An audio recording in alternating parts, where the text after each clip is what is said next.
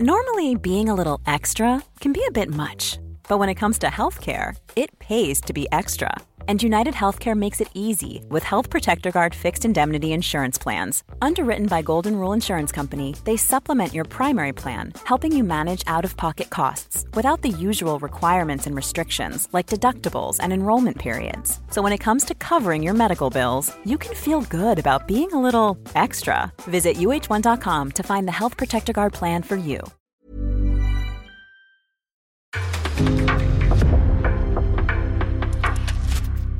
En podcast från Aftonbladet. Let's pretend!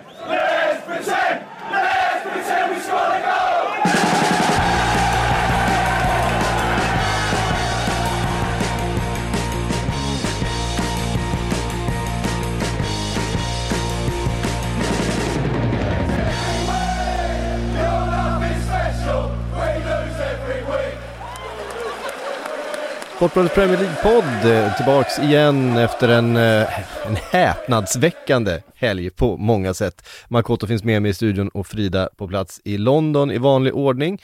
Eh, innan vi sätter igång så ska vi bara tipsa om att man faktiskt kan resa till London, eh, där du bor Frida, och tittar på ett lag som du brukar gå och titta på, eh, Arsenal, när de tar emot Liverpool. Eh, man, kan Ja. alltså, man kan alltså få åka till London och vara Frida en liten stund också, träffa Frida och resa dit med mig eh, och Makoto.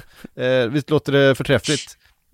Åka från Stockholm, lite, lite, lite obehagligt också. Men, ja, att åka till, åka till London och vara Frida. ja. Ehm, Men nu kommer ju folk tro att de får liksom stå och göra intervjuer med, eh, liksom, ja, riktigt så mycket Frida se, se på. Arteta som får en arg blick liksom på sidlinjen. Inte riktigt så mycket Frida får de väl vara. Nej men det handlar om, det handlar om en fotbollshelg, eh, den 7 till 10 oktober. Vi eh, reser från Stockholm, det är tre hotellnätter, det är då Arsenal-Liverpool på Emirates, eh, det är gemensam middag och aktiviteter och så vidare. Eh, någon reseledare kommer följa med och sen är det du och jag som ska stå för lite underhållning, Makoto, och så möter vi då upp Frida såklart på plats, för du behöver ju inte resa till London Frida, du är ju redan där. Ehm, Patrik Syk har förberett ett quiz. Ja men det har jag gjort. Så att, eh, bara, bara en sån sak. Bara, bara en sån sak. Nej men det kommer bli kul. Ehm, så där kan man gå in på Watch It Live och boka den här resan om man vill hänga med eh, och gå på fotboll med oss. Så är det. Ehm, vi ska sätta igång dagens avsnitt. Ska bara göra det här som jag har börjat göra nu, att eh, dra igenom helgens resultat va. Eh, för att det var några, det var några häpnadsväckande igen sådana. Det började med Aston Villa-Everton, derbyt mellan the, the Golden Generation Derby, eh, Gerard mot Lampard, där drog Gerard det längsta strået, eh, inte helt förvånande, 2-1 slutade den matchen. Arsenal-Leicester 4-2, eh, Brighton-Newcastle 0-0, mm, är Brighton igång här nu med sina kryss igen? Eh, jag vet inte. Manchester City-Bournemouth 4-0, inte mycket att snacka om. Eh, Southampton-Leeds 2-2, där finns en del att, att prata om minst sagt. Wolves-Fulham 0-0, eh, Brentford-Manchester United 4-0. Eh, vi kommer prata mycket om den matchen förstås. Nottingham Forest tar sina tre första poäng eh, mot eh, West Ham. 1-0 slutar den matchen. Chelsea-Tottenham. Stökigt London-derby Frida. du var där. 2-2 slutade Vi börjar där tänker jag. Ehm, det var inga muntra miner efteråt och, från något håll, för, förutom mellan eh, Harry Kane och Raheem Sterling som stod och kramade om varandra efter slutsignal. Så- Mysigt. All, allting bara rasade runt omkring och det, eh, Conte, allting hände. Aspelekueta var där och la sig i och skulle eh, skälla på sin gamla tränare som eh, eh, som bråkade och så vidare och där står Harry Kane och Raheem Sterling och pratar gamla landslagsminnen kan man tänka sig och, och kramar dem varandra. Så, så kan det vara på fotbollsplan efter ett oav, oavgjort resultat. Men många kontroverser Frida, eh, vilken ska vi börja med? ja, det roligaste var ju också kan man tillägga Matteo Kovacic som var civilklädd och hade någon sorts, alltså någon sorts bass, inte basker, men vad heter sådana här gubbkeps liksom. Som gjorde att han såg ut lite som en mafioso. Och han la ju sig givetvis i de här eh, dusterna två gånger om tror jag.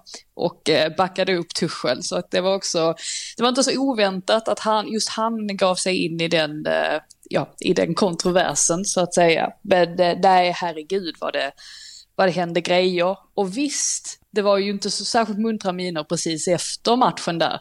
Men sen på presskonferenserna, då sitter ju både Tuchel och Conte och skrattar åt detta. De, de tycker ju att det här är roligt. Det märks ju så himla tydligt att jag tror att Conte gillar att ha någon i Premier League som är lika, kanske ännu mer temperamentsfull än vad han själv är. Och Tuchel mm. tycker samma sak, att det här är rätt kul ändå när känslorna, så länge det var som Tuchel sa, så länge ingen slår ner någon annan eller tar till fysiskt våld. Å andra sidan så Tuchels handskakning där, den var ju ganska aggressiv ändå ja, på, ett, på, ett, ganska fysiskt sätt. Men han sa så länge inte det sker så man håller det på en, på en lagom nivå så är det, bara, är det bara passionerat och bra för fotbollen. Ja, vi minns ju förra vändan som Conte var i Premier League. Då var det ju Mourinho som eh, var antagonisten. Eh, man kommer ihåg ordkriget fram och tillbaks där, som såklart Mourinho gick vinnande ut. Det går ju inte, det går inte att ha en sån beef med en annan tränare och, och välja ut just eh, José i läget. Han är, han, är ju, han är ju mästaren på det här eh, spelet. Han som uppfann det här, höll jag på att säga, nej det kanske det inte är, men alltså. Det... Men, nej men, ehm, eh, de, på något sätt är de ju väldigt lika varandra i det och de är, jag håller med Frida, jag tror också att de, att de går igång på det här. Tuchel är ju Eh, han är också liksom hetlevrad och... Ja, han är värre. Han är värre. Han är, han är värre. Ja, mycket värre. Han har kortare stubin, helt klart. Det tog ju återigen, det tog ju fem minuter innan han fick ett alltså, psykbryt på Kai Havertz i matchen. Eh, och liksom skrek någonting på tyska som man nog helst inte vill översätta. Han, han bara är sån. Ja. Och Conte, ja han det märktes ju också att Conte ville ju anspela på detta också, för det var ju faktiskt Conte som började med att gå fram till Tuchel och fira i hans ansikte. Absolut. Och sen var det ju kört, alltså det var ju där, där bara tog det fart och så fortsatte det. Men nej, Tuchel hade inte hade inget, inget ont att säga om Conte efter matchen. Men däremot det som var uppseendeväckande var ju att han faktiskt gick igång på en fråga gällande ja men det är ju rätt många Chelsea-supportrar som anser att domare Anthony Taylor har någonting emot Chelsea personligen. Taylor har tydligen delat ut flest gula kort per mm. minut till Chelsea-spelare under sin karriär. Var på Tuchel, alltså inte, man trodde ju det mest normala som i Contes fall också, för Conte vill aldrig prata om domare och domslut och sådär, utan han brukar alltid vifta bort de frågorna. Tuchel gjorde absolut inte det, utan att han, han nappade på det här betet och sa ju ungefär rätt ut att han inte tycker att Taylor ska döma deras matcher längre. Och att alla pratar om detta i omklädningsrummet, att alla spelare också tycker så. Så det är väldigt intressant, det ska bli intressant att se vad det här får för konsekvenser. Dels för Tuchel, men också hur alltså PGO och ML, hur de kommer att reagera på det här. Ja, det här är ju en, det här är en konspirationsteori som har eh, snurrat länge eh, på sociala medier. Och man ska ju komma ihåg att spelarna är sanning, inga jävla, eller är verkligen inga sanningsvittnen när det kommer till sånt här. De är ju liksom känslomässigt investerade och de tycker ju alltid att de blir förfördelade och så vidare. Men det har ju, det har ju funnits många, jag menar Mike Dean och Arsenal, vi har haft Mike Dean som nu satt i barrummet och inte gjorde någon speciellt bra insats heller. Var, Paul Tierney och Liverpool. Paul Tierney och Liverpool har det ju varit eh, exakt samma sak och eh, går vi längre tillbaka så har vi ju eh, Howard Webb och mm, typ resten av ligan, eller man tyck, alla tyckte att han dömde fördelaktigt för Manchester United i, eh, under sin, alltså de här typen av konspirationsteorier finns ju och de snurrar ju alltid och det, jag tror det är samma sak i alla ligor. Ehm, men ehm, det är ju intressant att Tuchel nappar på det. Han borde, han, han borde lyfta sig lite över det kan man tycka.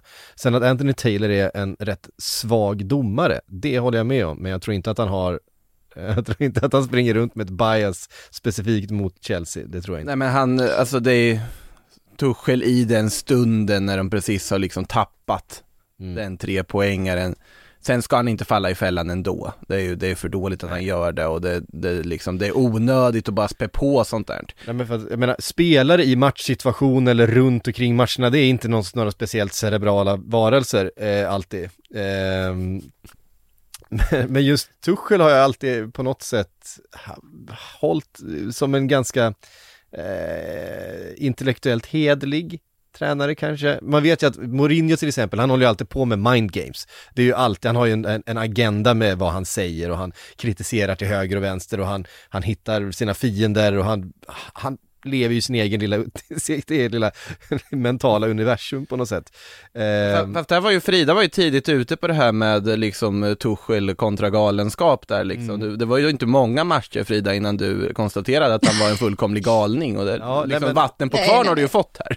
Ja men verkligen. Och han är ju som sagt om det är någon i, i, eh, på pressläktaren som kanske är på en match för första gången på Stamford Bridge så blir de nästan chockade över hur Tuchel håller på. Alltså man hade kunnat ha en Tuchel-cam under samtliga 90 minuter så att man verkligen hade förstått hur hur galen han är, alltså både i sina rörelser och det han skriker och han, han bränner mycket kalorier på en, på en match tänker jag. För att det är många liksom knäböj och sånt. Han är Och den upp där, och ner den, den där lö, löpningen rakt upp mot eh, målet efter att Re- Reece James hade gjort, Mm. gjorde 2-1 målet. Den löpningen måste ju ändå ha bränt ja, x antal kalorier i alla fall när han liksom bara svepte förbi Tottenhams bänk.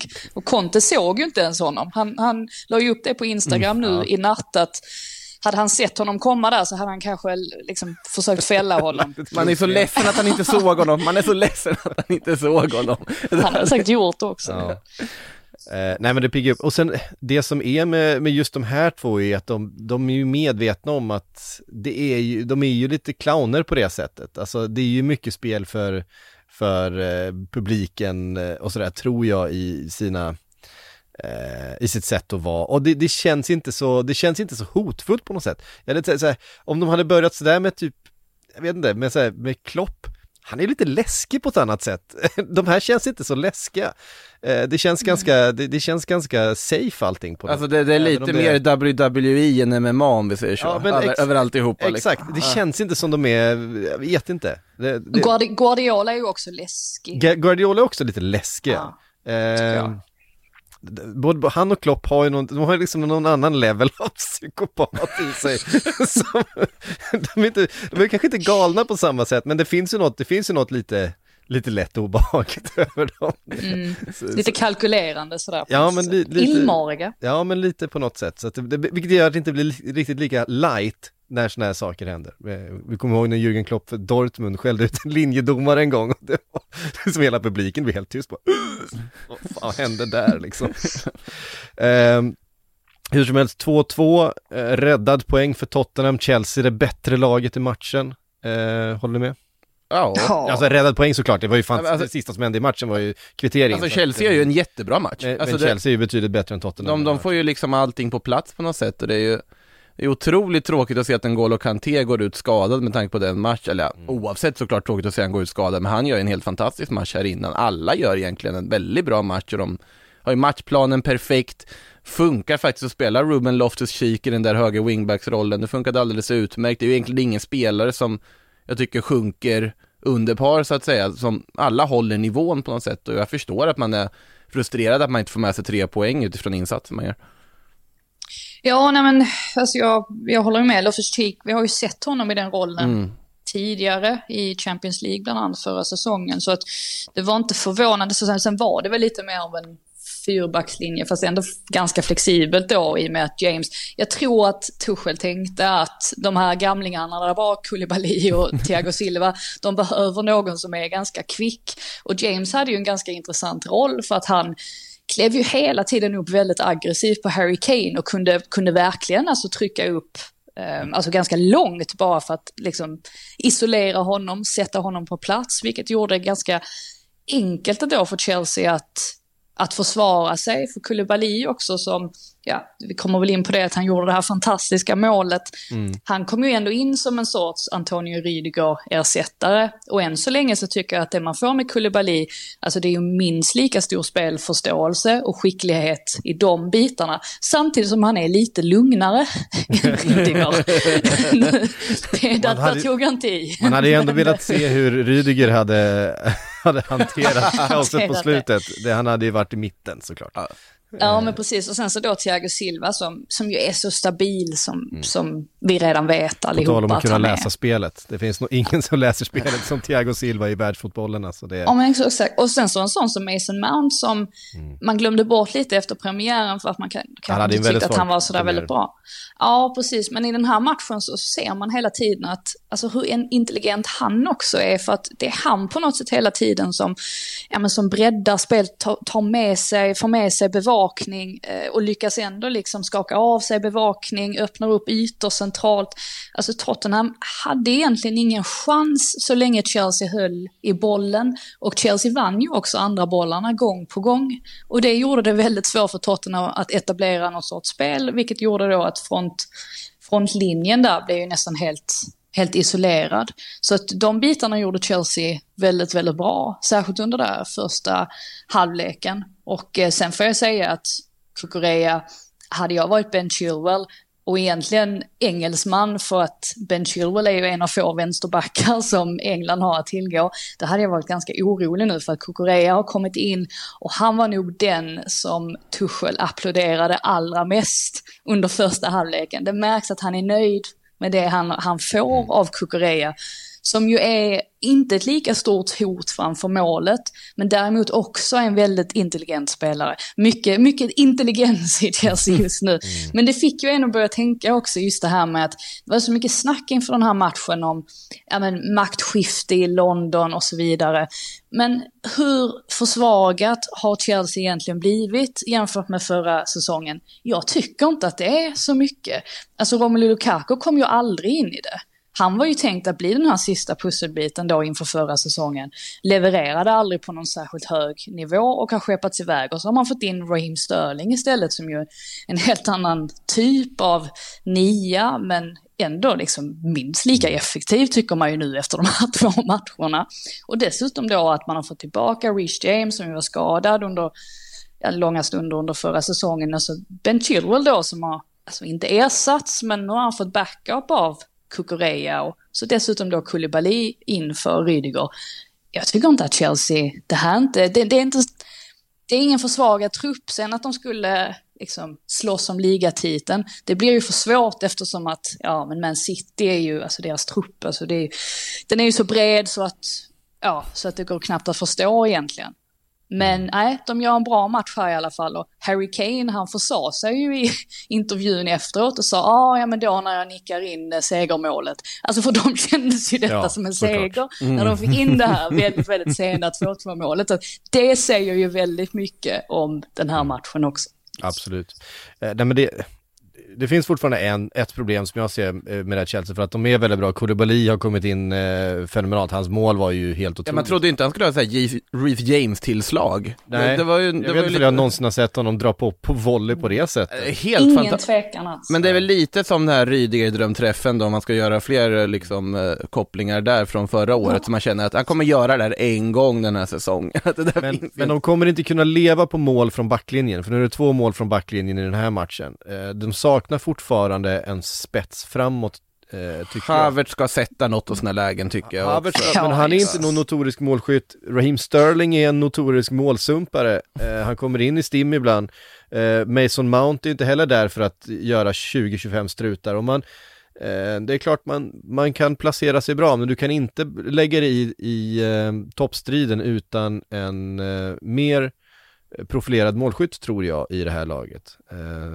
Dessutom, vi får se nu med, med N'Golo Kanté, men så som han spelade igår, då är det ju det här, alltså du spelar N'Golo Kanté i tvåmanna centralt mittfält mot ett tvåmanna centralt mittfält som det var, så är det som att spela tre mot två, därför att han är så, ja men Thiago Silva är bäst i världen på att läsa spelet, så är N'Golo Kanté näst bäst.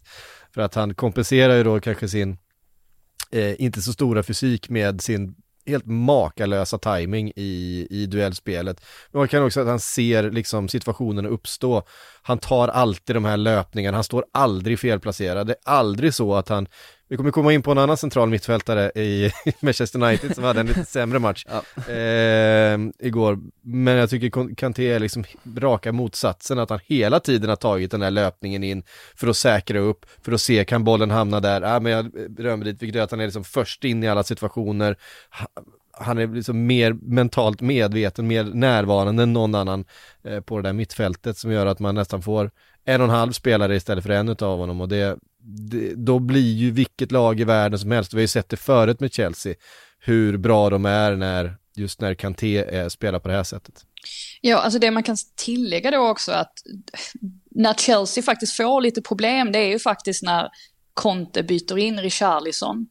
För det gör att de helt plötsligt, att Chelsea-försvaret får lite mer att hålla koll på då i och med att Richarlison också kommer i de löpningarna helt plötsligt.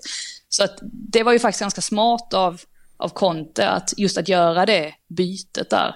Men eh, utöver det så absolut Chelsea, det känns ju som en förlust det här för dem ju. Intressant ur en svensk aspekt ändå att det är Son som kliver ut. Nej, det är ju eh, Sessignon som kliver ut Sessen, Ja men Son kliver ju ut före, före Kulusevski. det var det jag menade, syftade på. Ja. Eh, Eh, tycker när jag. de eh, sen sätter in, det är väl eh, Perisic som kommer in då, Ja. då kliver Rich- Richarlison upp i, på Sons position. Men sen har Son inte, alltså han har också varit, alltså under första matchen där så fick inte han till det riktigt mot Southampton. Han var, han var väldigt isolerad i den här matchen. Så på det sättet är det ju faktiskt inte så konstigt. Men ja, och det var väl för att han ville ha in Persic också, alltså på den kanten. Ja, Son, be- Son är ju behov av ytor när han spelar fotboll, det är ju så. Han måste ha ytor att, eh, att springa på. Ja, och han fick ju lite mer efter att Richarlison kom in. Det såg man ju hur han liksom, då kunde han droppa ner lite. Och så fick han helt plötsligt lite mer ytor att jobba på. Men ja, det klickade inte riktigt där för honom.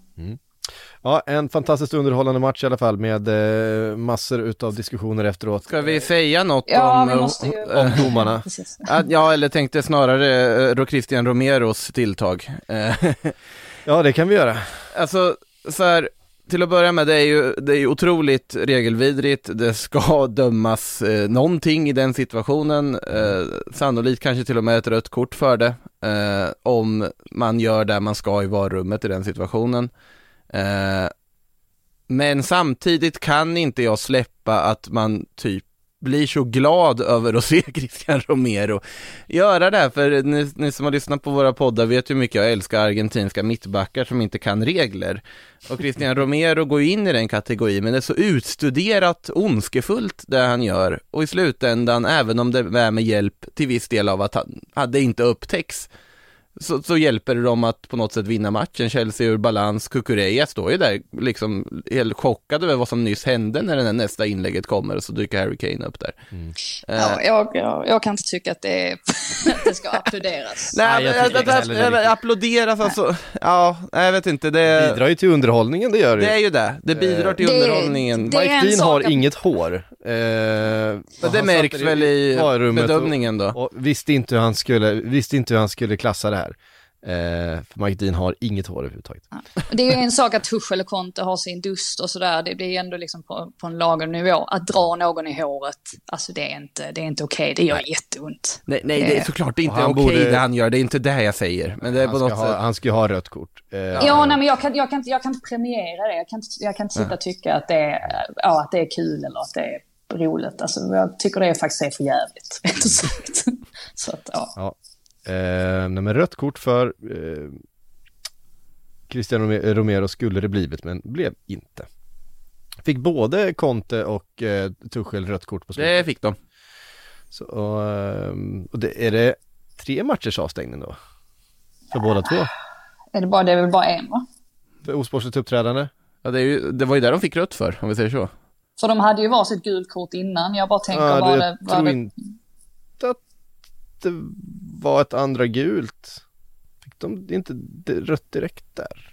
Ja, det, det var ju, han, han höjde ju upp ett rött eller röda kort, men jag Ja. vet inte om han menade att det var deras andra gula. Eller, och jag vet inte ens om det gör någon skillnad när det, Så, när som det det, så som det står i grafiken här så är det inte noterat som att det är ett andra gult.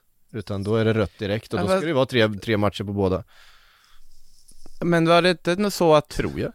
ja, var inte Conte som fick ett andra gult i situationen?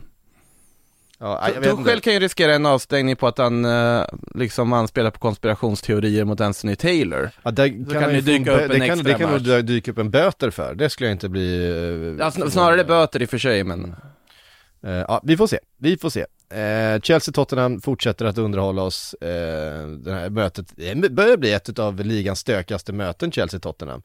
Det är sen den, där, eh, sen den där matchen var det 2016 eller något sånt där som fullständigt spårade ur. När alla försökte sparka benen av varandra under 90 minuter. Eh, det var kaos, 16 eller 17 eller någonting sånt. Då var det MMA. Det var fullständiga MMA. Ja, då var det Eh, MMA. sen den matchen så har det varit grinigt mellan de här två lagen. Eh, Eh, det har liksom, eh, det har liksom hängt i och det, det kan jag uppskatta. Normally, being a little extra can be a bit much, but when it comes to healthcare, it pays to be extra. And United Healthcare makes it easy with Health Protector Guard fixed indemnity insurance plans. Underwritten by Golden Rule Insurance Company, they supplement your primary plan, helping you manage out of pocket costs without the usual requirements and restrictions like deductibles and enrollment periods. So when it comes to covering your medical bills, you can feel good about being a little extra. Visit uh1.com to find the Health Protector Guard plan for you. Fyra mål blev det på Stamford Bridge, fyra mål blev det också i Brentford. Eh, alla fyra målen till Brentford. Manchester Uniteds eh, svaga säsongspremiär följdes upp av vad jag skulle anse var eh, den djupaste punkten i Manchester Uniteds moderna historia. Frågan är ju också, det av, ja, nej, för jag skrev ju krönika på denna, denna matchen.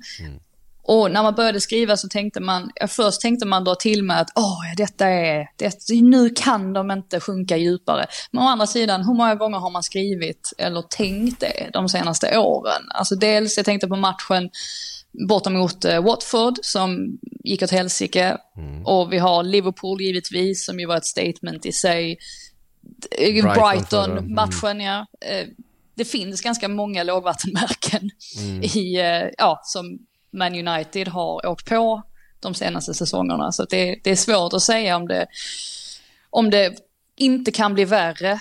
Eh, Det borde ju inte kunna bli värre än det här. Alltså det här, det här borde verkligen vara ja, men det, det sämsta resultatet de kan uppvisa. Men samtidigt så, huvudena verkar ju inte vara med dem alls.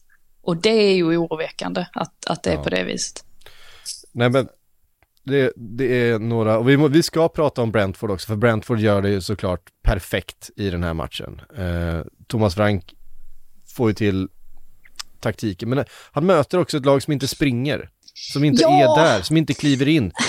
Eh, Och, och, och det, är inte, det är inget avancerat, det Thomas Frank gör. Alltså det, det är inte som, alltså Graham Potter hade ju ändå ja, men lite mer sådana här eh, bitar i det taktiska upplägget som inte var särskilt signifikativt för just Brighton, alltså som överraskade Man United.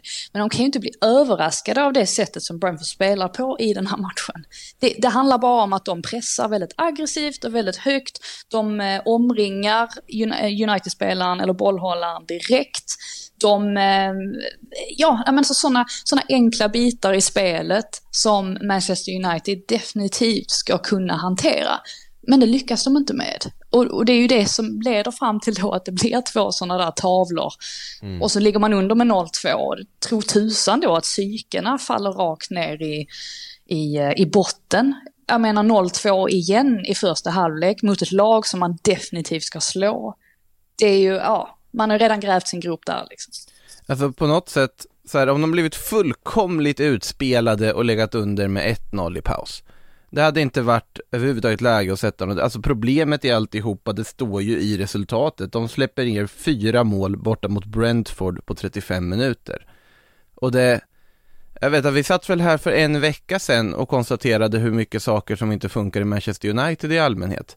Och det, man tänkte, hur ska man överhuvudtaget, jag, jag lider med dig Frida som skulle skriva den krönikan för att liksom, nu ska man hitta ännu nya superlativer för att konstatera vad det är som pågår i Manchester United och det känns som att det aldrig tar slut. Ja, Och det- alltså jag landar, ja, förlåt, fortsätt. Ja men det, det är på något sätt så här. Hur, hur, hur lågt kan de gå hela tiden? Det här, jag håller helt med dig Syk där du sa att det var liksom den modern tids lågpunkt.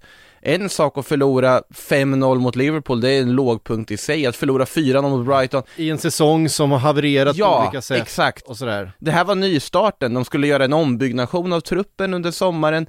och så hamnar de här. De ligger sist i Premier League efter två omgångar. De släpper in fyra mål på 35 minuter mot Brentford och är inte nära att komma tillbaka, utan Brentford har väl lägen på 5-0 snarare. Och det är, Ja. det, det Alltså, är jag- så undermåligt. Jag tycker liksom att det finns fyra grejer här som man kan lyfta ut som är alltså, väldigt, väldigt stora problem för Man United just nu. Och det ena är att alla motståndare vet att de har chans att vinna mot dem. Alltså bara det, bara det gör ju att Man United nästan börjar ur, ur underläge. Eller de är i alla fall inte på samma nivå som kanske Ja, alltså det var Ben Foster som berättade det att när man möter Man City, när man möter Liverpool, ja alltså Chelsea, då är man ändå lite rädd när man kliver ut och, och representerar Watford, för man vet om att de här lagen kan straffa en. Men Man United känner man inte så, sa han, eller han kände inte så under förra säsongen. Och det är ju ett väldigt, väldigt stort, eh, stort problem. Sen har vi Erik Ten Hag, som inte är van vid Premier League och faktiskt agerar ändå lite naivt i, med, kring många grejer i just den här matchen. I första mötet där med Brighton, då sätter han upp Christian Eriksen som en falsk nia. I den här matchen så tänker han, ja, nej, men han kanske, kanske spelar lite mer alltså central mittfältare betydligt, alltså det, vara den djupare mittfältaren på, alltså centralt. Vilket ju med facit hand inte fungerade det heller. Han sätter Lisandro Martinez som mittback, som är alldeles för kort. Och, och det ser man ju vid flera tillfällen då när hans längd blottar sig totalt. Typ vid Ben Mis mål där.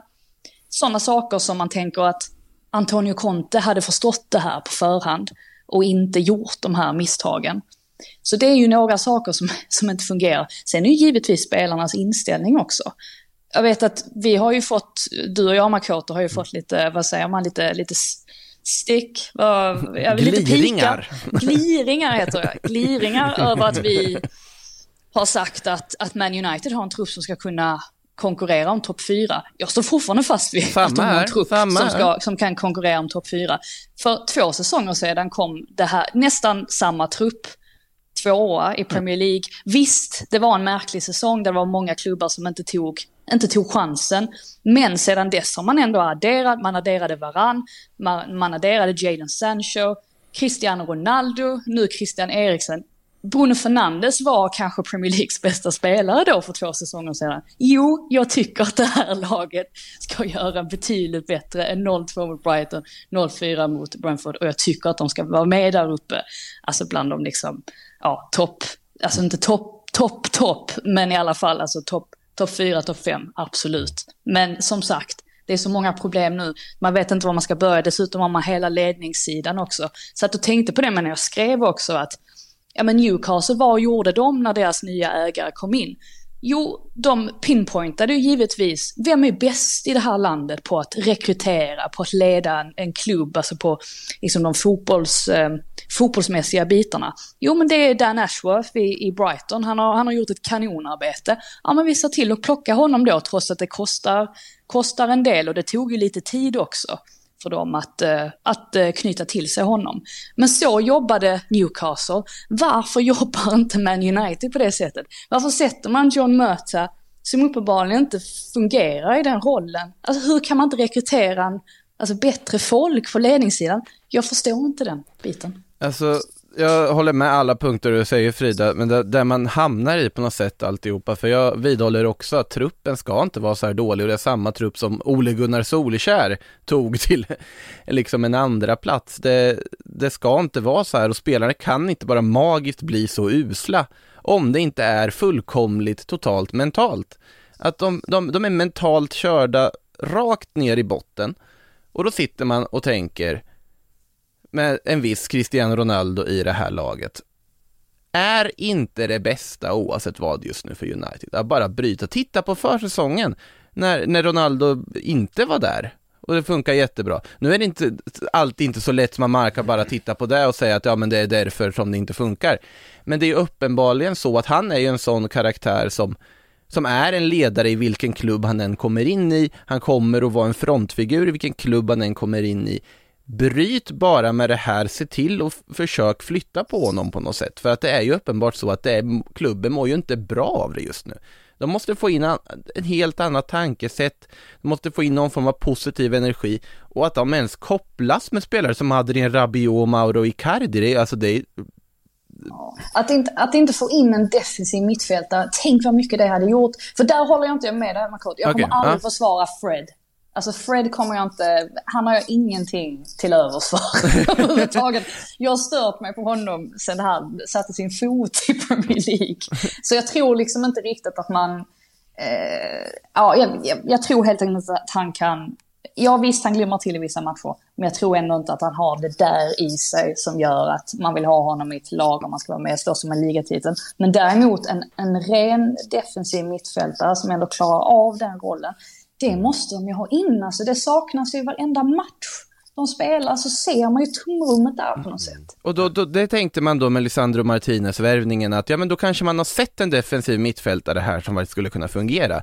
För det var den enda logiken man kunde se att man betalar ett hutlöst överpris till Ajax för honom.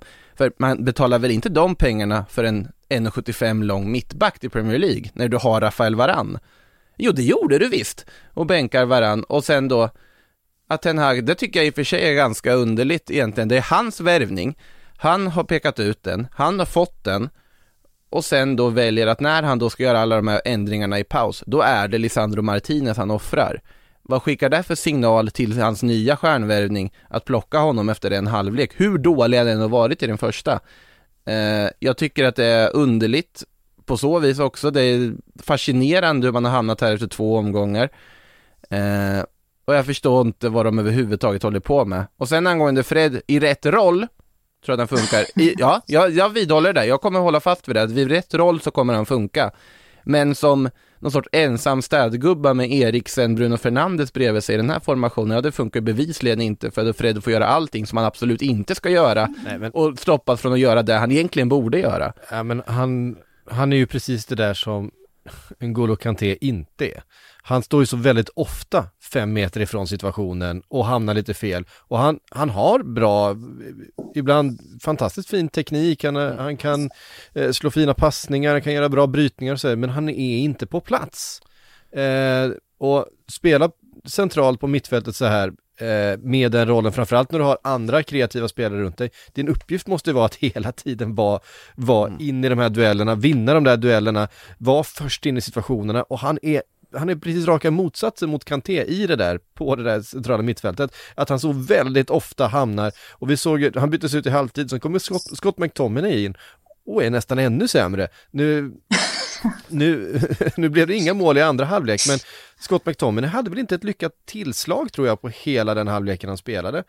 Och står också liksom åt fel, på fel plats vid fel ti- tidpunkt hela tiden. Jag vet inte, McTominay-båten har jag nog börjat lämna kan jag ju säga. Uh, Fred- Fred-båten klamrar jag mig fast vid, vid liksom dåres envishet, men McTominay-livbojen där den har ju flut, flutit iväg någonstans. Eh, det, det håller ju inte. Men det är också så här att vi måste prata lite Brentford också. För Ja, de, absolut. de gör ju precis det de ska göra. Det de framför allt gör är att de springer, de smäller på, de är på plats, de är noggranna i sitt positionsspel, i sitt försvarsspel. När de får lägena så trycker de till.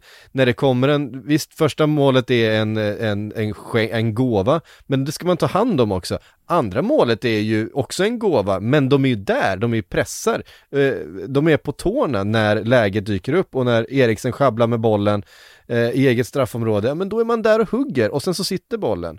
Eh, samma sak 3-0 målet och sen så fyra eh, eh som ju är liksom en tilltrassad situation, men man vill mer, man är där, man vinner duellerna. Och så 4-0 kommer ju såklart i ett läge då Manchester United har eh, liksom försöker eh, anfalla, försöker göra någonting.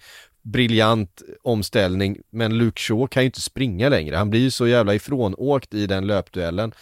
Eh, och tittar man på den här truppen, nu kommer jag tillbaka till Manchester United. Men alltså det, det, är ju, det är ju just anledningen man kommer tillbaka till United har att göra med att när Brentford gör en sån perfekt insats Mm. mot ett lag som Manchester United utifrån vad vi ska förvänta oss av ett Manchester United, då ska det vara Wow, de kämpade sig till ett kryss. Det, det gjorde de ju extremt bra. Wow, de fick en uddamålsseger. Det, och vilken insats av Brentford och vi hyllar dem. Ja, vilken insats de gör. Det ska inte räcka till 4-0 efter 35 minuter. Det ska inte göra det. Nej.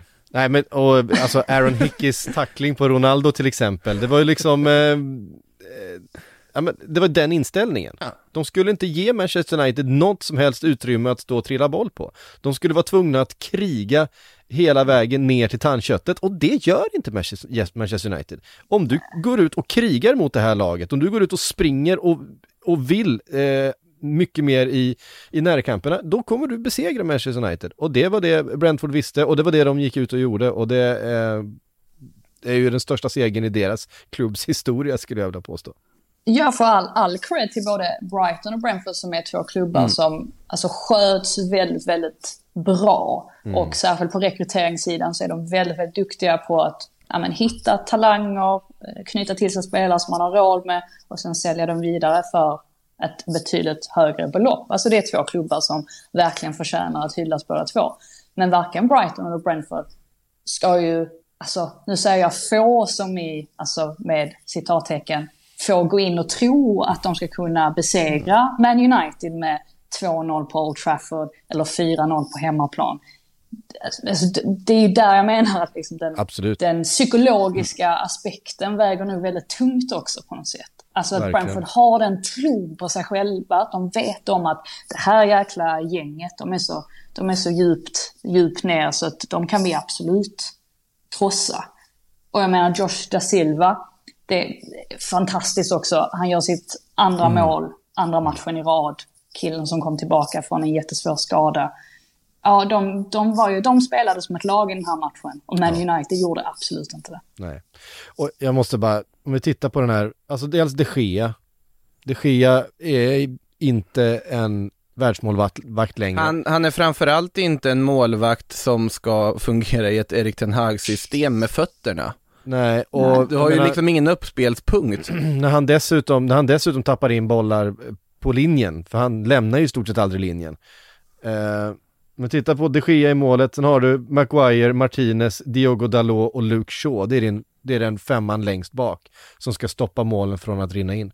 Det är bara att titta på det gänget så förstår man att där kommer trilla in mål då. Och det, och det sanslösa är att den som på något sätt känns ändå rimlig är Diogo Dalot.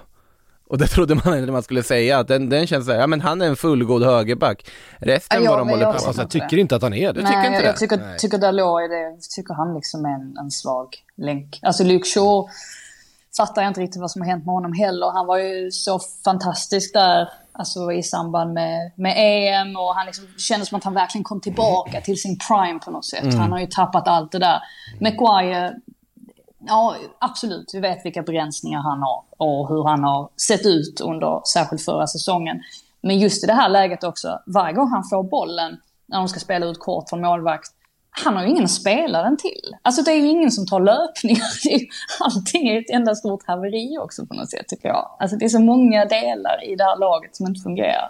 Men jag menar frontlinjen där. Och med Bruno Fernandes, Cristiano Ronaldo, Marcus Visst. Rashford, Jadon Sancho. Det är väl inga skitnamn liksom. Nej, nej, det är ju fantastiskt. Men, Vad Bruno Fernandes gör nu för tiden är också ett mysterium. Han går ju bara runt och Han fyller skjut- år där skjut- liksom. I, ja, han skjuter Jag över. fattar inte alls vad som har hänt. ja, det, det, men det är också, återigen, det är så lätt att peka på det, men det slutar med att man pekar på det för man börjar få liksom brist på saker att peka på. Ja, det mentala, men sen när har Bruno Fernandes varit så här blek? Jo, sen plötsligt det fanns en annan portugis som går över honom i hierarkin som går framför honom. Absolut, Cristiano Ronaldo öste in mål förra säsongen, avgjorde matcher för United, men jag vidhåller att det är många av de där matcherna han aldrig hade behövt avgöra om inte han var på planen. Och det är en total felrekrytering med facit i hand. De, de, Han vill inte vara där. ja just nu är det ju primärt det också, att han vill inte vara Jag där. tror inte att hans lagkamrater vill ha honom där. Eh, i, I alla fall inte allihop. Jag menar, det har ju, han sitter själv. Ja, Eh, det och var äter väl, sina middagar. Jag kom ju uppgifter om det, att han satt själv här i Uniteds matsal och käkade ganska ofta och det blir så här Sådana uppgifter kommer ju inte om det inte är ett lag som är i fullkomlig kris och i upplösningstillstånd. Eh, men sen, Sen, ja. Ja. Nej, Sen måste jag bara säga också att Erik Ten Hag, jag, jag vill inte vara någon kappvändare nu för jag liksom tyckte att, att det var en, eller det verkade vara en förnuftig värvning eller när de plockade in honom att ja men nu har de en, en tränare de i alla fall ska satsa långsiktigt på och någon som ändå har gjort bra resultat i, i Champions League och sådär. Men jag är inte riktigt säker på det sättet som han går ut och pratar om spelarna efter matchen. Ja, absolut. Man kan, man kan hävda eller argumentera för att spelarna ska ha det. Men jag tror inte att det är bra att han så utåt är så öppen med att han tycker att det var en skitinsats av spelarna och inte tar något ansvar själv överhuvudtaget. Och sen finns det också den här aspekten att Ten Hags engelska är inte jättebra. Och jag tror att det också kan möjligtvis bli en begränsning då i omklädningsrummet när man kanske inte riktigt får fram vad man menar rent kommunikativt, att det kan bli ett hinder för honom också. Men de här kommande veckorna och särskilt nu under transferfönstret de sista veckorna, alltså det blir ju avgörande på något sätt hur det här kommer att gå. Man måste ju ge honom chansen såklart, alltså han måste få mer tid på sig. Men får han knappt in några värvningar, hur ska det då, ja, hur ska det då gå? Alltså det är ju nästan på nivån att om de inte lyckas lyfta här nu, att vi får se vad det kommer in för någonting och vad för typ av värvningar de gör. Eh, om det inte lyfter och de fortsätter att göra den här typen av matcher, då är det inte otänkbart att han ryker innan årsskiftet. Och då är det ju, i ett sånt läge är det nästan bara att ta in Sam Allardyce och rädda säsongen och sen får du Alltså det, det det, vi är ju där nu. Alltså vi är ju Ange- snart där. Ancelotti, Ancelotti har fått kicken då från eh, Real. och så Ancelotti, man in honom. Ancelotti har gått ut och sagt att han, eh, han tänker sätta sig på, på en solstol och gå i pension efter Real Madrid oavsett. Ja, ja, det, det sa Neil Warnock också vid fem tillfällen när han kom tillbaka. Du- du- ja, Det sa Big Sam också. A- Ange- du kan inte göra några Roy- jämförelser med Ancelotti och Warnock, kom igen. Roy Hodgson dyker upp, han har också gått i pension några gånger. Eh, vi lämnar den matchen, vi får se, nu är det ju Liverpool som väntar på Old Trafford om en vecka här. Eh, De lär ju vinna den nu, det United. bli, inte om de spelar så här. Det är, Ja, men de kan- Liverpool såg inte speciellt bra ut eh, förra veckan, nu spelar de ju ikväll här. Men eh, jag lovar dig, alltså om, om Manchester United fortsätter spela så här, då kommer de inte vinna mot någon i den här ligan.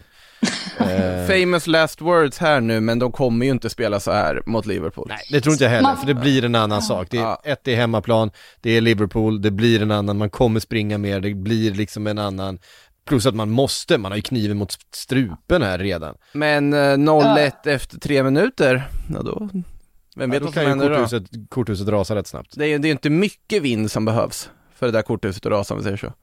Jag tänkte, säga, jag tänkte säga att ni minns väl vad som hände för 30 år sedan, men det känns lite orättvist för att jag var inte ens född då. Ja, jag minns. Men säsongen 92-93 när United senast förlorade två raka eh, matcher i eh, säsongsinledningen. Men vann ändå eh, ligan Ja, sen under våren. Så att man vet inte, nu tror jag inte att det kommer ske. nej men det var lite annat. eh, det finns allting och allting kan hända ändå. Ja.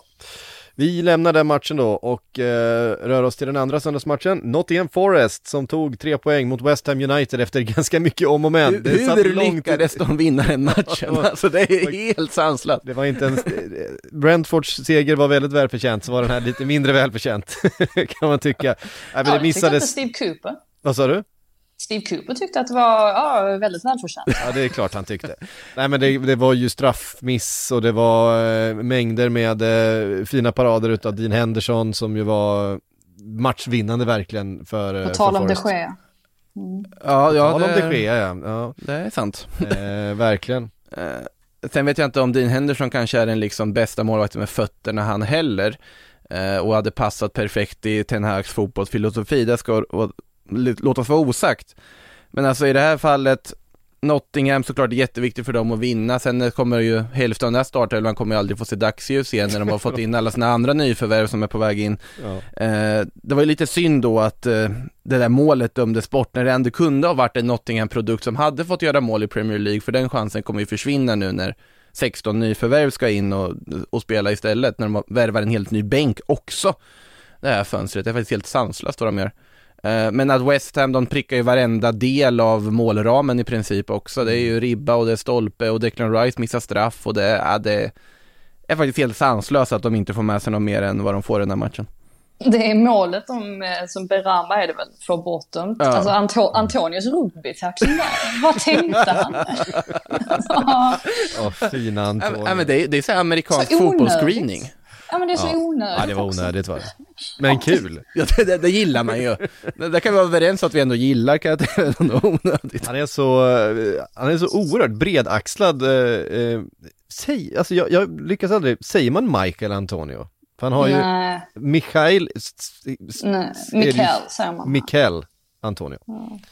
Eh, det, det, det sägs ju väldigt olika, men eh, Det är ju Jamarkant. precis. Jamarkant. Eh, när man är så otroligt bredaxlad och, och har den där låga tyngdpunkten så när han kommer i sina tacklingar så, så kan det ju också se lite brutalare ut än vad det kanske är ämnat. Eh, Jag menar, ja, golvar ju killen. Alltså det, ja, det, det gjorde nu, det- det- den här gången så. Ja men det är verkligen den här, alltså det är amerikansk fotboll när du har en kille som går in och försöker blockera vägen samtidigt som quarterbacken ska leta en passning. Det är precis det som Antonio gör där, bara går in och bara stoppar. Eh, såklart det var, skulle dömas bort, Ja, ja. tycker jag, det var ju ganska självklart. Det var inget snack. Men, vilk, men vilken fest på City Ground också. Det är en, det är en härlig arena att, att ha fått upp i, i Premier League igen, det får man ju säga. Man ser ju hur mycket det betyder för, för folket i staden också att man är uppe i Premier League. Det var fina scener. avfyrade väl en massa raketer också efter den här segern. Så det, det betyder väldigt mycket för dem. Ehm, ja, verkligen. Det ska bli kul när de möter Leicester sen också. Det blir lite, Lite drag. lite, lite drama, alltså lite, lite riktigt derby. Ehm, de, de hatar ju varandra de två lagen. Eh, Leicester och Forest, så att ehm, det, det, det ser vi fram emot. Eh, West Ham då, det finns väl inte mycket att säga. De gör ju det, de, de, gör, de gör ju tillräckligt för att vinna den här matchen egentligen. Men det är klart, det är ingen jättebra inledning på, säsongs, på säsongen så här långt. Det är noll poäng Nej. efter två matcher. Och sen, ja precis, alltså den första matchen där mot Man City, där var ju förlust oundvikligt. Men ja, den här hade man ju kunnat vinna också så att... Nej, det är väl inte riktigt lika illa som Man United, men, men ändå, det är ju ingen bra start heller. Nej. Manchester City kan vi väl komma till då som vann mot Bournemouth med 4-0. Ehm, Bournemouth som ehm, kände att ah, vi tar väl och joggar lite, passar på och jobbar lite med våra, med våra säsongsförberedelser inför resten av säsongen för att eh, den här matchen eh, är vi inte deltagande i. Eh, och jag tror att, alltså vi har ju sagt det här så många år nu, att det ser ut så här ibland, att det kommer ett mindre lag och ska möta Manchester City. Övertaget blir så tydligt från början, det blir ett ett tidigt mål för City, det kom väl efter ungefär 20 minuter va? Ja då hade de ju bott i straffområdet i de Ja. första 20 minuterna, alltså i Bournemouths straffområde då, det var ju Ja, och då, det är liksom så här, och då känner ju varenda Bournemouth-spelare att ja, men det finns ingen väg tillbaka i den här matchen liksom. Eh, Nej. och då- ger ju dem för mycket ytor också ju. ja, alltså men det, de, det är lite naivt. det, är lite, det är lite naivt, men det är liksom det Bournemouth som vi känner igen. Eh, förra gången de var uppe i Premier League var det det att Bournemouth fick ju alltid storstryket av storlagen för de skulle spela lite, eh, lite optimistiskt och eh, försöka, försöka skapa något eget istället blev det ytor bakåt. Ehm, men, eh, ja. det- inga det mål för Erling. Ingen mål för Erling. Eh, Alltså det är, så, det är så kul också när alla sitter och liksom, åh, nu, han kommer göra hattrick idag minst. Och sen har han två passningar i hela matchen. Åtta touch, en är en en assist. assist. En assist. Avspark och assist hade han en avspark och en assist. Och faktiskt, alltså Phil Foden ska ju spela bollen till honom där i det första läget också. Då gör han ju, då sätter han ju den.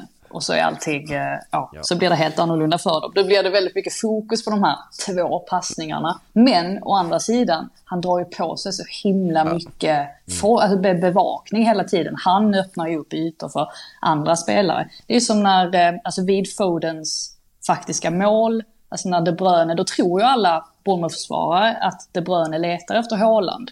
Men då hittar han Foden istället. Så där ser man ju hur, hur effektivt det är att ha en sån som Haaland inne i boxen. Men det var inte många passningar i alla fall han avverkade. De Bruynes yttersida var ju helt okej. inte, inte för att man var förvånad, men det är fascinerande också att liksom innan det så här, så det känns som att han liksom bara klampar fram på något sätt i den här situationen och sen bara från ingenstans, poff, så kommer en så här liksom gudabenådad teknik som man bara hittar från ingenstans och drar den där yttersidan rakt i, ja. Ja men det är ju väldigt typiskt Ja, eh, men Bruyne verkligen. Ja. Han kan se klumpig ut Exakt, ibland exakt. på fotbollsplanen och sen så är han bara helt eh, Fascinerande, fascinerande skicklig fotbollsspelare. Eh, Sen så är det ju inte den här typen av matcher de har, alltså som Erling kommer göra sina mål i heller. Det är inte här som den här typen av matcher som de i första hand har den stora nyttan av att ha honom. Den här typen av matcher mot ett motstånd som är så underlägset där man kommer parkera eh, i motståndarnas straffområde de vinner man ändå. De vinner man genom att man bara har det extrema övertaget. Det är ju de här matcherna där det blir lite mer ytor, eh, när eh, Manchester tvingas vara lite mer expansiva. Det är där man har in en ny dimension med, med Haaland, med hans djupledslöpningar, med hans eh, fina avslut. Eh, och sin fysik högst upp liksom. Ehm, så att jag tror att eh, framförallt de matcherna eh, där det blir ja, lite mer spel på mittplan eh, än vad det blev i den här matchen. Kommer man ha ännu mer nytta utav, utav mm. Åland och det är framförallt kanske för dem, han, det är klart han kommer spela, han kommer göra massa mål mot sådana här motstånd också. Eh, men den här typen av matcher vinner Manchester City ändå. Eh, och det har man liksom alltid mm. gjort. De matcherna som man liksom inte har vunnit tidigare, men säg mot Tottenham förra säsongen eller eh, Liverpool-säsongen eh, innan det. Eh, det där, där, där det har funnits avgöra. ytor och där det inte har funnits ett djupledshot och det har inte funnits kanske en, en fysisk när eller så en, en presence som har kunnat utmana mittbackar och så vidare. Där är ju eh, Håland nu, så man har ju liksom lagt till det. Men det är såklart eh, enormt imponerande utav Manchester City och eh, vi kommer få eh, se många matcher utav den här karaktären från dem. Eh, där de vinner med en 4-5-0. Det är avgjort efter 20 minuter eh, och sen så går man och kokar sig lite kaffe eller eh, kollar mejlen eller någonting. Eller, eller byter över till Arsenal. Under andra halvlek. Eller byter över till Arsenal där det var lite mer dramatik. Fyra mål eh, för Arsenal också. Eh, dessutom mm. två stycken eh, i baken. Granit Xhaka vilken match han gör! Är det det du reagerar på efter Gabriel Jesus 2 plus 2? Ja. ja jag är mer förvånad över Granit Xhakas 1 plus 1.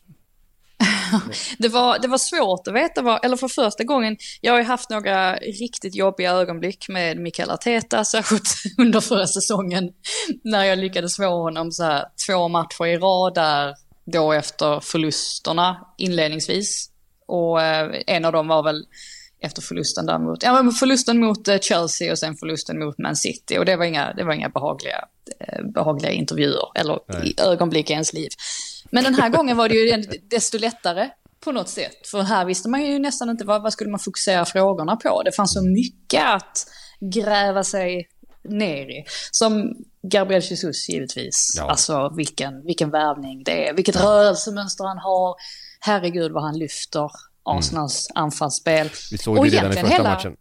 Ja men precis. Och egentligen hela vänsterkanten med Gabriel Martinelli där också. Mm. För att deras samarbete fungerar så himla bra. Vilket gör att tidigare, eller förra säsongen i alla fall, så hängde ju väldigt mycket av Arsenals anfallsspel på högerkanten med Bukayo Saka och Ödegård som, som mm. samarbetade där. Men nu har man den här vänsterkanten vilket gör att, ja, Arsenal får ytterligare en dimension i sitt anfallsspel. Så att nej, det var, eh, det var verkligen strålande just. Mm. Alltså det, just de två där var, utmärkte sig verkligen. Och eh, Granit Xhaka, jag ställde faktiskt en fråga om honom också till Arteta. Mm. Just eftersom att det såg, när han gör sitt mål där, det ser ut som att det betyder så himla mycket för honom att få göra det målet.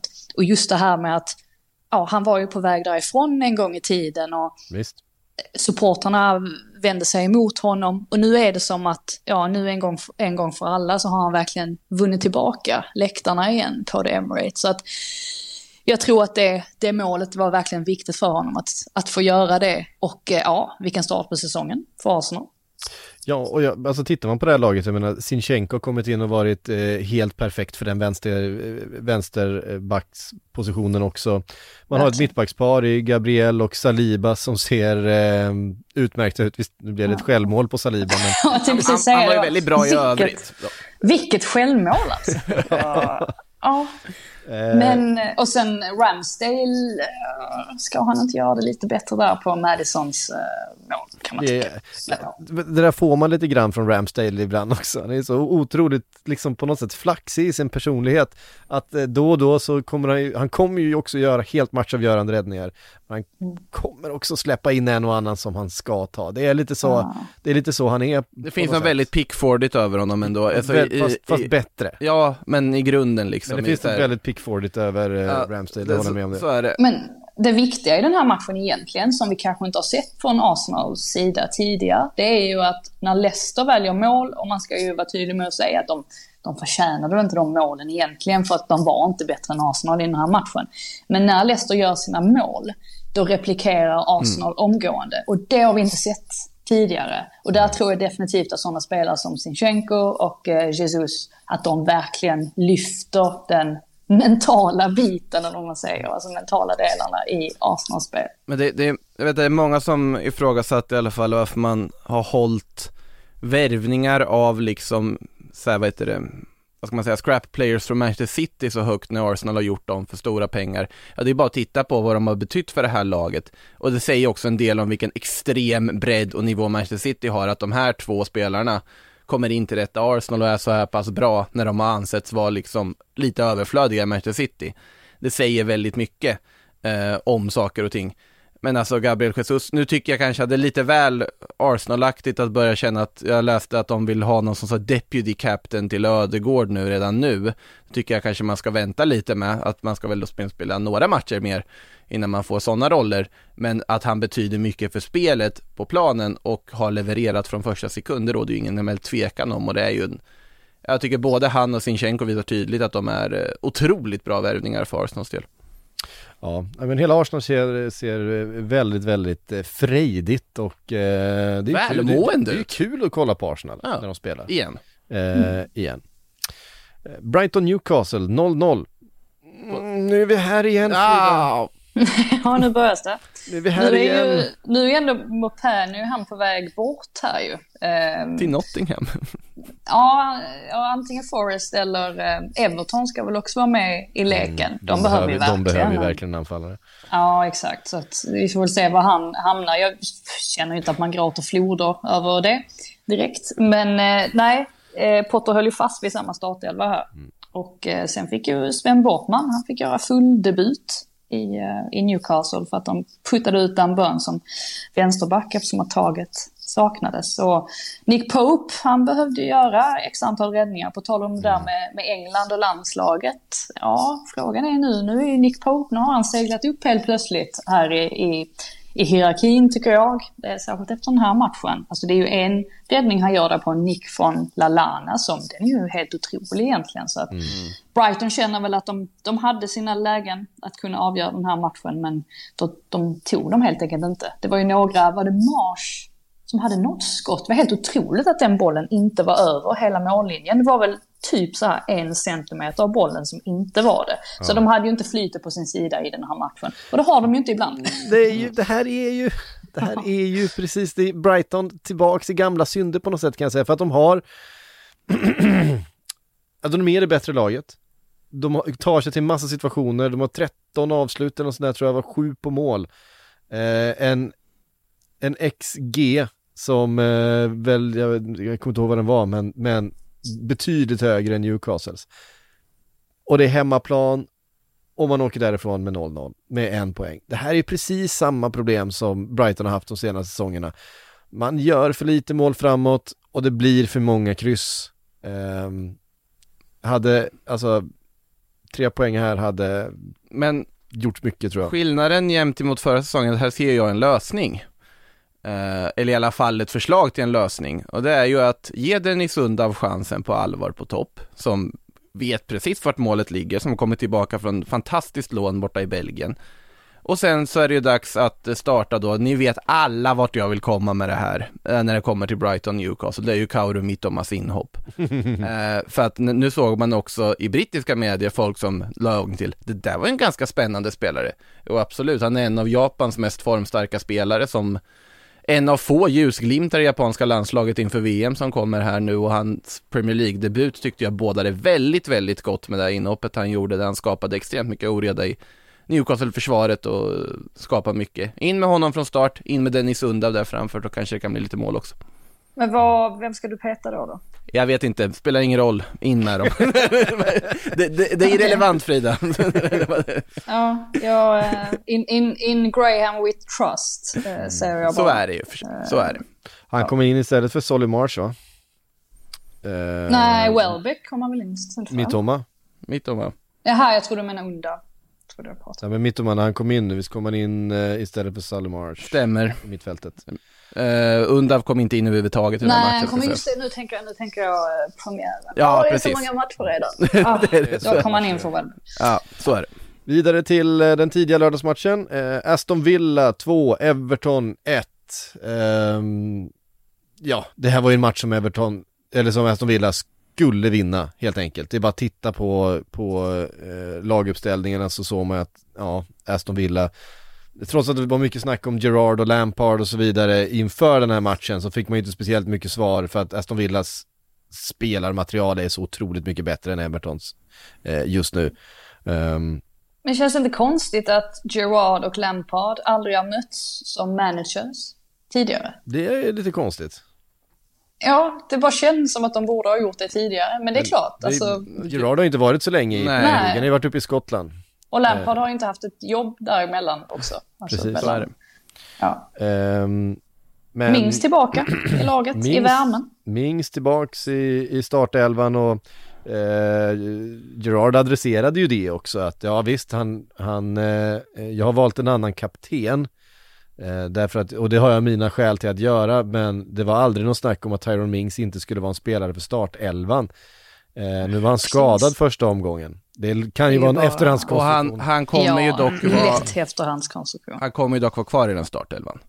I och med Ja, Diego nu. Carlos Precis. otroligt tråkigt borta resten av året eh, med den skadan han ådrog sig. Så det blir en ganska dyr, dyrköpt är det, seger. är det, är det um, Det är, bekräftat att han det är inte bra. Åh fy fan. Eh, Ja, nej, de, var, de lät bekymrade direkt efteråt. Ja, och Coutinho avskadad efter en ganska blek insats innan också. Han är det väl Precis. inte lika illa ställt med, men samtidigt så är det och Matty Cash skadad. Nej, ehm, Danny Alltså det är Ings, ingen som, ja, det är ingen som sörjer Coutinho för att alla Villa-supportrar vill väl ha in Emi Buendia nu i startelvan. Eh, För att han, han har verkligen visat, han visar nu när han kommer in att han är, kan vara mer effektiv än vad Coutinho har visat under de här två första matcherna. Och Coutinho, det var väl bara en krampkänning Ja, eh, egentligen. det och händer det ingenting Gerrard- runt Cou- Coutinho. Det händer ingenting när han har bollen. Det, Nej, det är helt Gerrard- otroligt vad han är som en våt Ja. filt bara. För jag tycker ändå liksom här att de, de breddar ändå, för jag vet att jag klagade väl lite på det efter premiären förra helgen, att de inte breddar sitt spel och nu tyckte jag att de gjorde det. Men också att Ollie Watkins och Danny Ings fungerade bra ihop. Alltså nu gör ju Ings mål och Watkins visar ju också att han inte borde flyttas på. Ja, och då har de ju Coutinho precis där bakom, men frågan är om inte Buendia borde gå före nu. Och Gerard, jag tror att det är, det märktes att han snäste till lite när han fick frågor om detta på presskonferensen. Och jag tror det är att han helt enkelt, alltså det bandet han har till Coutinho, jag tror att det tar emot för honom att peta Coutinho och sätta in Buendia. Men jag tror nog att de flesta Villa-supportrar vill att det blir så.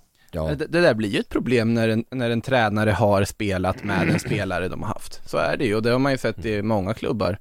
Eh, just, just det här bekymret, det ser man ju sen med Xavi i Barcelona när han ska hantera Sergio Busquets och Gerard Piqué. Det, det, det är ingen lätt situation, det är ju folk som är liksom väldigt goda vänner på sidan av och det, ja. det är ju samma sak med vilket företag som helst, att det blir liksom en, en chef kan ju inte vara allt för liksom privat vän med sina anställda, det blir ju rörigt. det blir det. Eh, Everton, positiv grej ändå.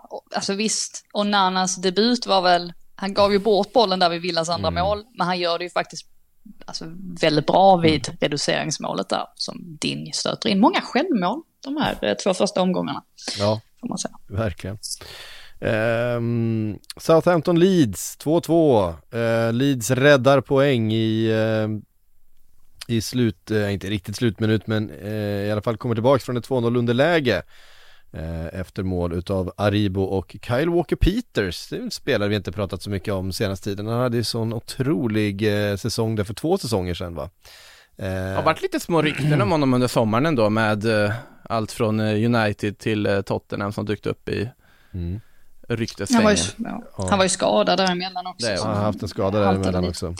Eh, ja, men, eh, nej, men han, var ju, han gjorde väl sitt första mål där under våren också, så detta var väl, han har inte gjort så många mål i alla fall i Premier League tidigare, om jag eh, inte minns helt fel. Sen om det här är andra eller tredje eller vad det är, det är oklart. Men just framspelningen av, av Mara där, det är ju väldigt, väldigt fin. Men det var väl just det där också att Alltså här visar ju, det har ju stormat mycket kring Hassenhüttel den senaste veckan. Det har kommit uppgifter om att spelarna var förvånade över att han var kvar när de kom tillbaka efter sin sommarledighet. Och Det är trodde ju att han skulle inget få bra tecken. sparken. Är du Det här fortfarande? Det, det är inget bra tecken nej. Men, alltså hur mycket jag, jag gillar Hassenhüttel som person. Alltså han verkar vara en väldigt fin människa. Jag har lite svårt för honom som tränare.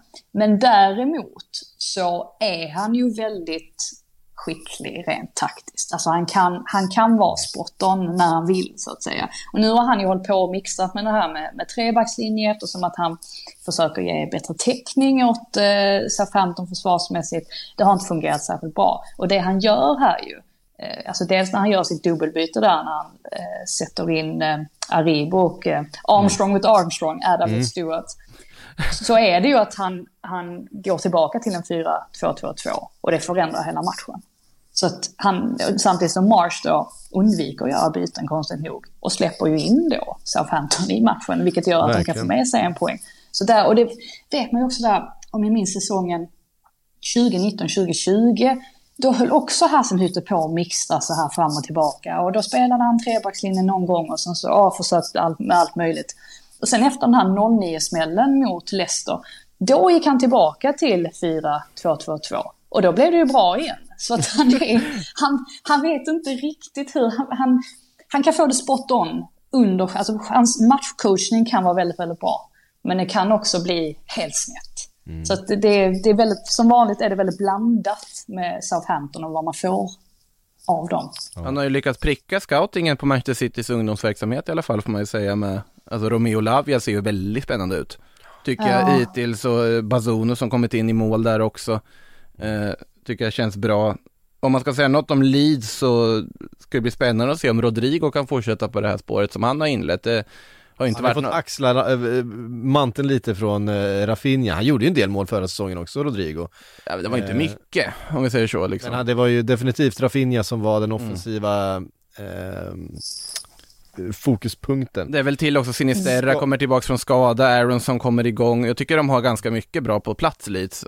Eh, Skada på Bamford va?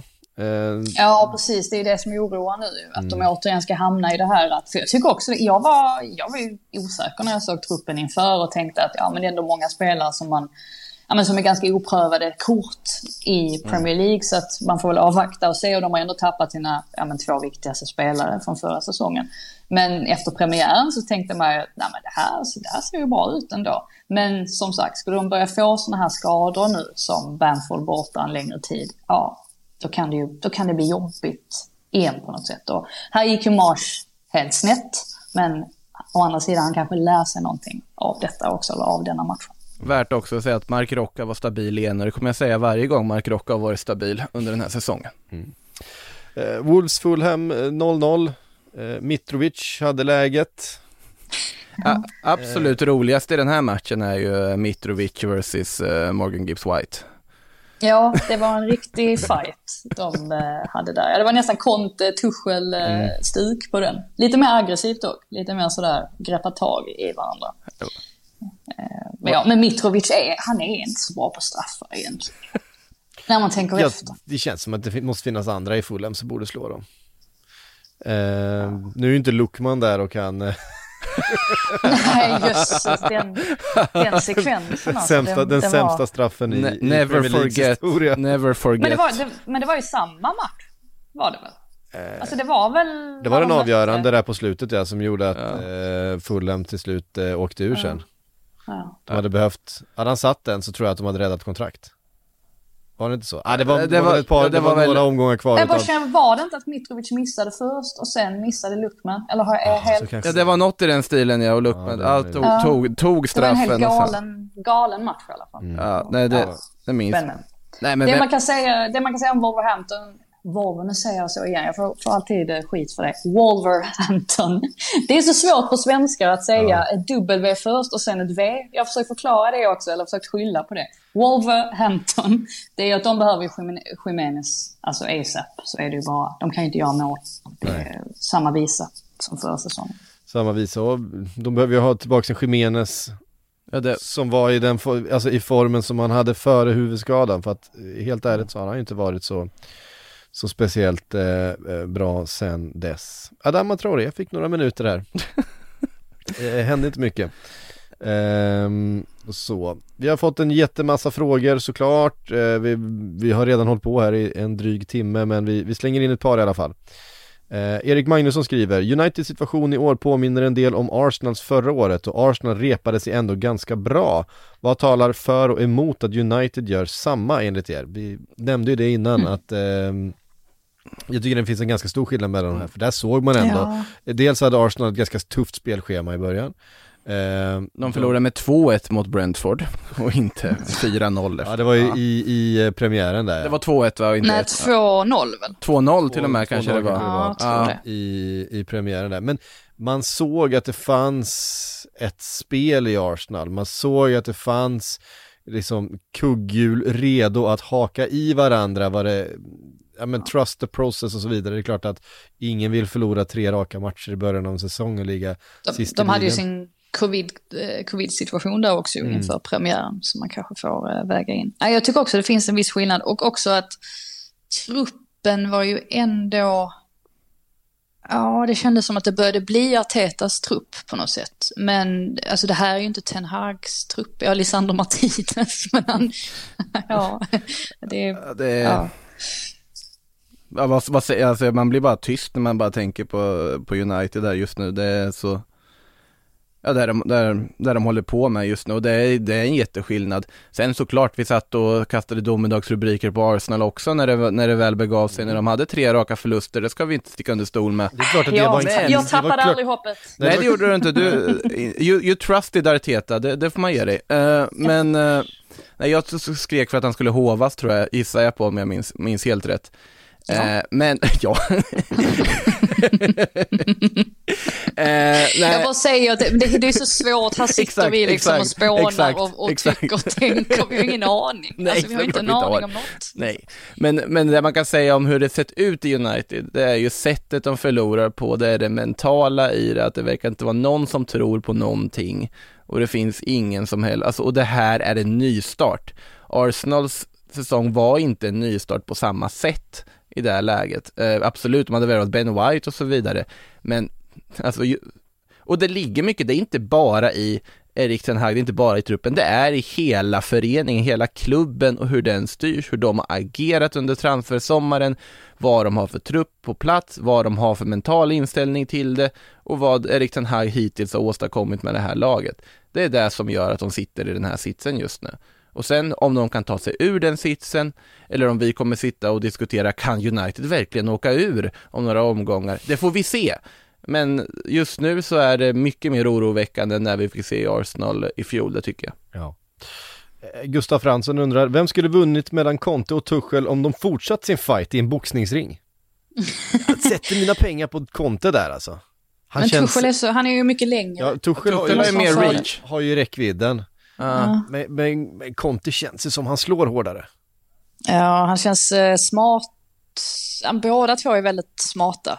Men att eh, Conte kanske ändå är snäppet... Nej, jag, vad, Vad väger jag om? de? Jag har ingen men de är kanske, Ja. väger ungefär lika mycket skulle jag tro. Det gör Bara- de nog, ja. För Tuchel är ju väldigt benig. Ja. Man, eller vad säger man? Senig. Alltså jag tror Tuchel har en fördel i, om det skulle vara ren boxning, alltså på sin räckvidd, att Conte skulle inte kunna komma nära egentligen. Ja, Eh, bara man- på, om man använder reachen har, på har, ett bra sätt. har han en bra jabb så är det den han får ja, jobba ja, med. Liksom. precis. Men däremot om det var lite mer, om det är mer MMA-stuk på det och Conte kan få ner Tuchel på marken, då, då kanske vi kan ha, ha någonting här. Eh, ja, jag, jag, jag är med, men jag tror ändå... eh, Jag, jag, tror eh, också på Conte i grunden, Ja. men det, längre, reachen ska inte underskattas. Ehm, Highbury Hammer skriver, gör Gabriel Jesus mer än 20 mål denna säsong? Ni får en över-under, ja eller nej? Oh. Det säger vi Ja, det 20 fin- 20,5, över eller under? Mm. Nej förlåt, 19 tycker jag ska- 19,5 blir det ju, 19,5, över eller under? Under säger jag. Ja. Under säger du? Ja, det, fin, det finns ett gäng spel. Och så plus, det måste man ju också tänka på att det är väldigt många matcher nu som han liksom räknas, som alla räknar med att han ska spela. Alltså Jesus måste ju spela på något sätt. Det kommer bli en lång säsong för honom på det sättet. Eh, men jag säger väl över då, bara för att vara lite, lite optimist. Jag tror också över faktiskt. Hörni, det var allt vi hann den här måndagen. En eh, fantastisk omgång så här långt. Så har vi en match kvar ikväll då, eh, Liverpool Crystal Palace som eh, vi ska följa. Eh, Sportbladets Premier League-podd är tillbaka om en vecka igen. Då är jag inte här, för då är jag iväg på, eh, på andra äventyr med jobbet. Eh, men Makoto och Frida finns här för er i alla fall. Eh, tusen, tack, tusen tack alla ni som har lyssnat. Sillypodden, missa inte den. den, den rullar på. Där kommer det komma grejer. Vi gissar att Manchester United inte är färdighandlade för den här sommaren, eh, till exempel. Prata lite om Bernardo Silvas eh, väldigt sena liksom eh, exit till omklädningsrummet från Citys match mot Bournemouth också kanske. Mm. Sånt ska vi dra växlar på. Eh, helt enkelt. Och så missa nu inte, Watch It Live, gå in, eh, häng med oss till London och kolla fotboll. Det blir svinkul. Eh, som sagt, tre hotellnätter, det blir middag, det blir eh, matchbiljetter och sen, eh, ja, hänga med oss, jag vet inte hur mycket det är värt, men eh, vi är där i alla fall och hänger med er eh, och pratar fotboll och ehm, ja, det blir fotboll hela helgen helt enkelt. Eh, tusen tack alla ni som har lyssnat, eh, vi hörs snart igen.